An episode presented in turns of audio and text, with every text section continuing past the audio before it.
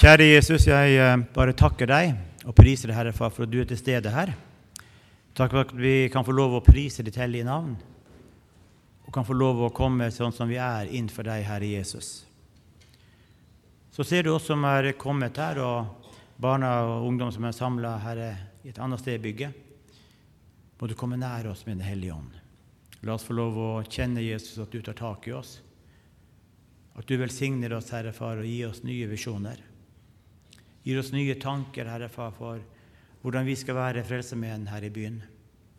Hvor vi skal nå ut til mennesker med det gode budskapet om at du døde for hvert enkelt menneske. For alle menneskers synd og skyld tok du på deg.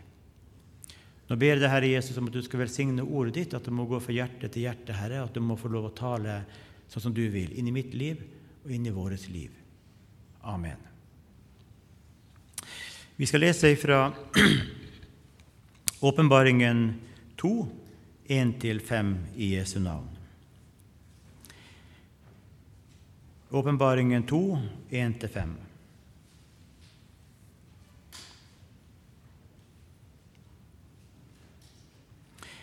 Skriv til engelen for menigheten i Efesos. Dette sier han som holder de sju stjernene i sin høyre hånd, og som vandrer midt iblant de sju lysestakene av gull. Jeg vet om dine gjerninger, arbeidet ditt, tålmodigheten din, og at du ikke kan tåle de onde.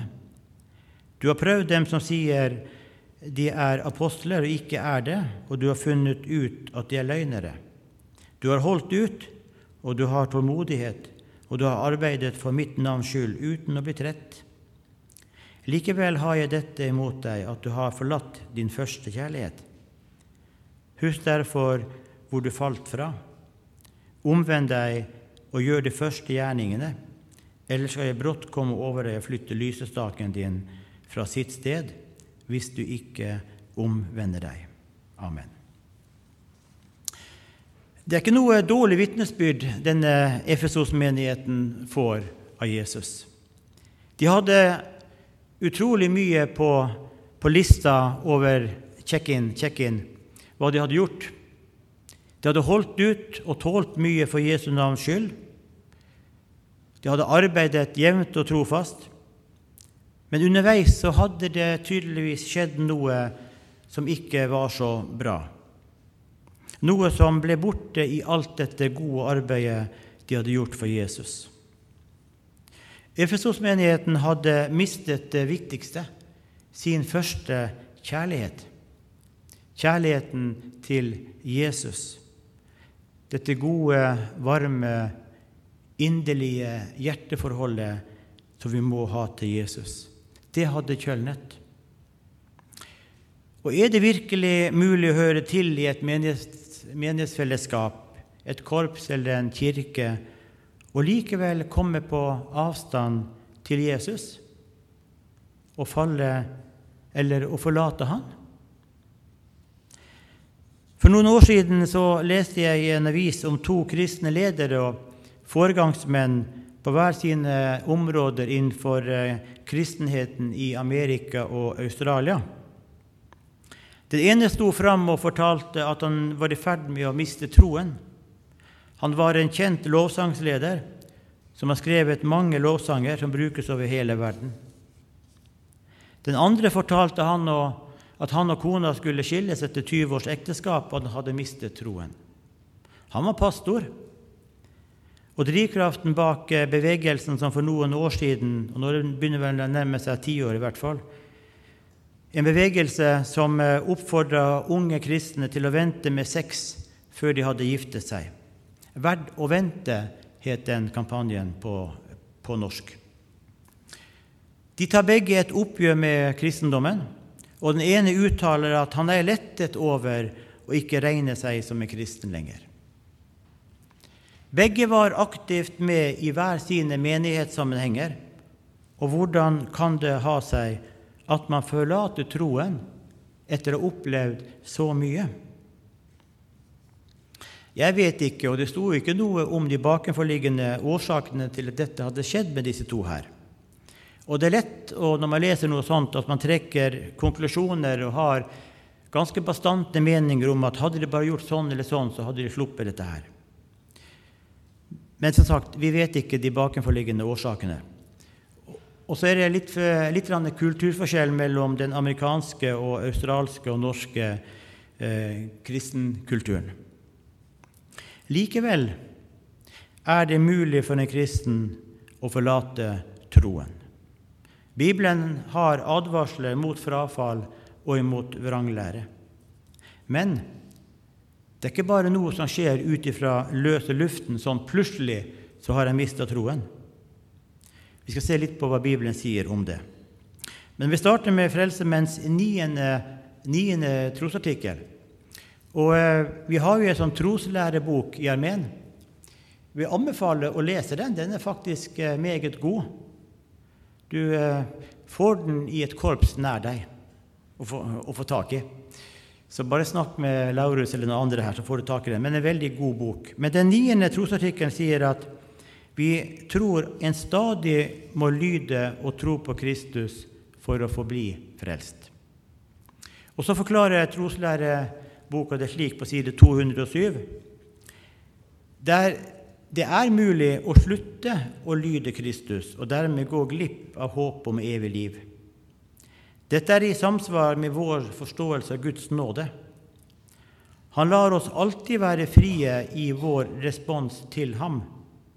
Frihet til å leve i nåden omfatter også frihet til å vende oss bort. Det kan skje ved bevisst å avvise Kristus, eller på en langt mer lumsk måte når vi glir bort fra disippelskapet og neglisjerer vårt åndelige liv. Slutt. I sitt brev til menigheten i Filippi så skriver Paulus om at vi skal arbeide på vår frelse med respekt og ærefrykt. Og En annen bibeloversettelse sier det slik.: Ettersom vi har vårt ideal i Jesus, må dere, kjære venner, passe på å leve sammen på en måte som viser at dere virkelig er frelst. Dere var alltid nøye med å følge undervisningen min, altså Paulus, da jeg var hos dere. Men nå når jeg er borte, må dere være minst like nøye med ydmykt å lyde og respektere Gud. Det er Han som påvirker viljen deres og gir dere kraft til å gjøre det Han vil. Bare noen tiår ut i Den kristne kirkes historie så finner vi i brevlitteraturen i Nytestamentet advarsler mot frafall, om kristne som forlater det kristne fellesskapet. Og Det begynte faktisk mens Jesus ennå vandret her på jorden sammen med disiplene sine. Etter at Jesus i Johannes 6 hadde avsluttet sin tale til folket, der han sier bl.a. at han er brødet fra himmelen, så kan vi lese at mange, også blant disiplene, de som gikk og vandra sammen med Jesus og så og hørte alt det han gjorde, at de faktisk ble støtt av det han sa. Og så står det etter dette trakk mange av disiplene seg unna og gikk ikke lenger omkring sammen med ham. Da spurte Jesus de tolv, vil også dere gå bort? Og så vet vi svaret da som Peter gir. Men også Jesu disipler forlot ham. Og Paulus opplevde det samme med en av sine nærmeste medarbeidere. I brevet til eh, Filemon så skriver han bl.a. om at han skal hilse ifra den og den og den, og en som heter Demas. Så ville jeg tro, hvis jeg hadde levd på Paulus' i tid Det må ha vært utrolig spennende og lærerikt å kunne vært sammen med Paulus. Denne svært kunnskapsrike gudsmannen som kunne legge fram og bevise at Jesus var den Messias som jødene ventet på. Han var jo en fariseer, han kunne Skriftene på rams, mest sannsynlig. Men dette, dette forhindret likevel ikke at uh, en i Paulus sitt følge forlot ham. Og I sitt brev til sin gode venn og medarbeider Timotius så skriver han at Demas, en medarbeider, Demas forlot meg fordi han fikk den nåværende verden kjær. Det er underlig å tenke på, men det skjedde. Og En oversettelse sier at Demas, Demas begynte å elske denne verden. Og En annen sier at Demas har latt seg prege av tidsånden. Og Det er kanskje det som er noe av den faren som vi står i som kristenhet her i Vesten. At uh, vi klarer ikke å stå imot alt det som skjer. Men vi må likevel holde fast på Guds ord, holde fast på at noe er sant og rett, og ikke forlate det. Vi skal aldri tvile på Guds hensikter med oss. Han vil aldri forlate oss. Det er ikke han som blir borte fra oss. Hør bare hva Jesaja sier.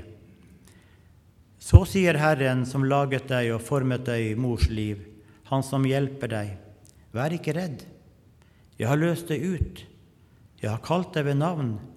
Du er min. Frykt ikke, for jeg er med deg.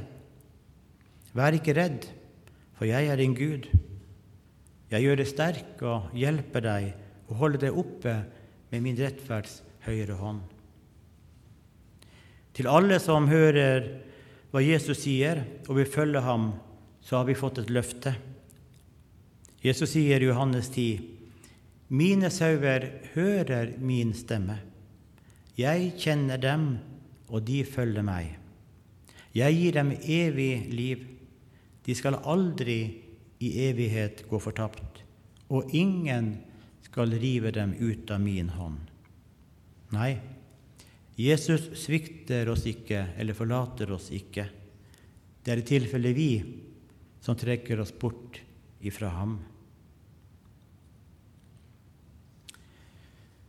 De første kristne opplevde motstand og forfølgelse for sin tro på Jesus og når de vitnet om ham.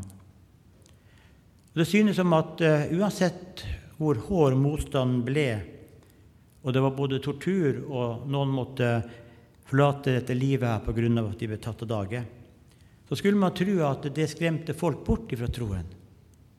Men det er det motsatte som skjer. Og Kirkefaderen Tertulian Tertullian skriver det slik at martyrenes blod er kirkens sæd. Martyrenes blod er kirkens sæd. All motstand virket heller trosstyrkende og bevarende på dem. Og Hvis du leser gjennom historien, så er det paradoksalt og et tankekors å tenke på at eh, det var ikke i de tider hvor det var lett å være en kristen, for å bruke sånt uttrykk, men det var når det var vanskelig, når det virkelig var en pris å betale. Da vokste den kristne tro. Og Det ser vi også nå i dag rundt omkring, omkring i verden, hvor det er mye motstand mot eh, den kristne tro. Der vokser den kristne kirke. Og Det er jo Den hellige ånd som er til stede, og som hjelper folk til å leve sine liv slik Gud vil. Filippebrevet sier det sånn at jeg er trygg på at Han som begynte sin gode gjerning i dere, skal også fullføre den helt til Jesu Kristi dag. Ingen mennesker, ingen makt skal kunne skille dem fra Guds kjærlighet i Jesus Kristus. Vi må bare passe på å ha hjerteforholdet til Jesus i orden. Efesos-menigheten fikk høre at de måtte vende om og gjøre de gjerninger de gjorde før. Og Det ville føre de tilbake til et rett forhold til Jesus igjen. Og hvilke gjerninger er det det er snakk om her?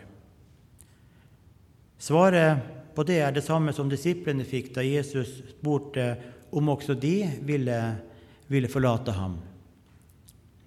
Og Så sier Jesus, 'Dette er den gjerning Gud vil dere, dere skal gjøre.' Tro på ham som Gud har sendt. Tro på ham som Gud har sendt. Og han som Gud har sendt, sier, 'Jeg er livets brød'. Den som kommer til meg, skal aldri sulte, og den som tror på meg, skal aldri noensinne tørste. For jeg er ikke kommet ned fra himmelen for å gjøre det jeg selv vil, men det Han vil, Han som har sendt meg. Og det Han vil, Han som har sendt meg, er at jeg ikke skal miste noen av alle dem han har gitt meg, men reiser dem opp på den siste dag. For dette er min fars vilje, at hver den som ser Sønnen og tror på ham, skal ha evig liv. Og jeg skal reise ham opp på den siste dag. Det er mulig å høre til i et korps eller en menighet og likevel forlate troen på Gud. Det er mulig å slutte å adlyde Jesus og ikke høre hva han vil si, neglisjere ham, gli bort ifra til slutt avviser avvise ham. Men det skjer ikke uten vår med, med, medvirkning. Noen av Jesu disipler gjorde det. Dette er harde ord, sa de. Hvem kan høre på slikt? Og så valgte noen å trekke seg unna. Jeg vet ikke om de kom tilbake igjen, men det står at de forlot han. Hva skjedde med Paulus' medarbeider Demas?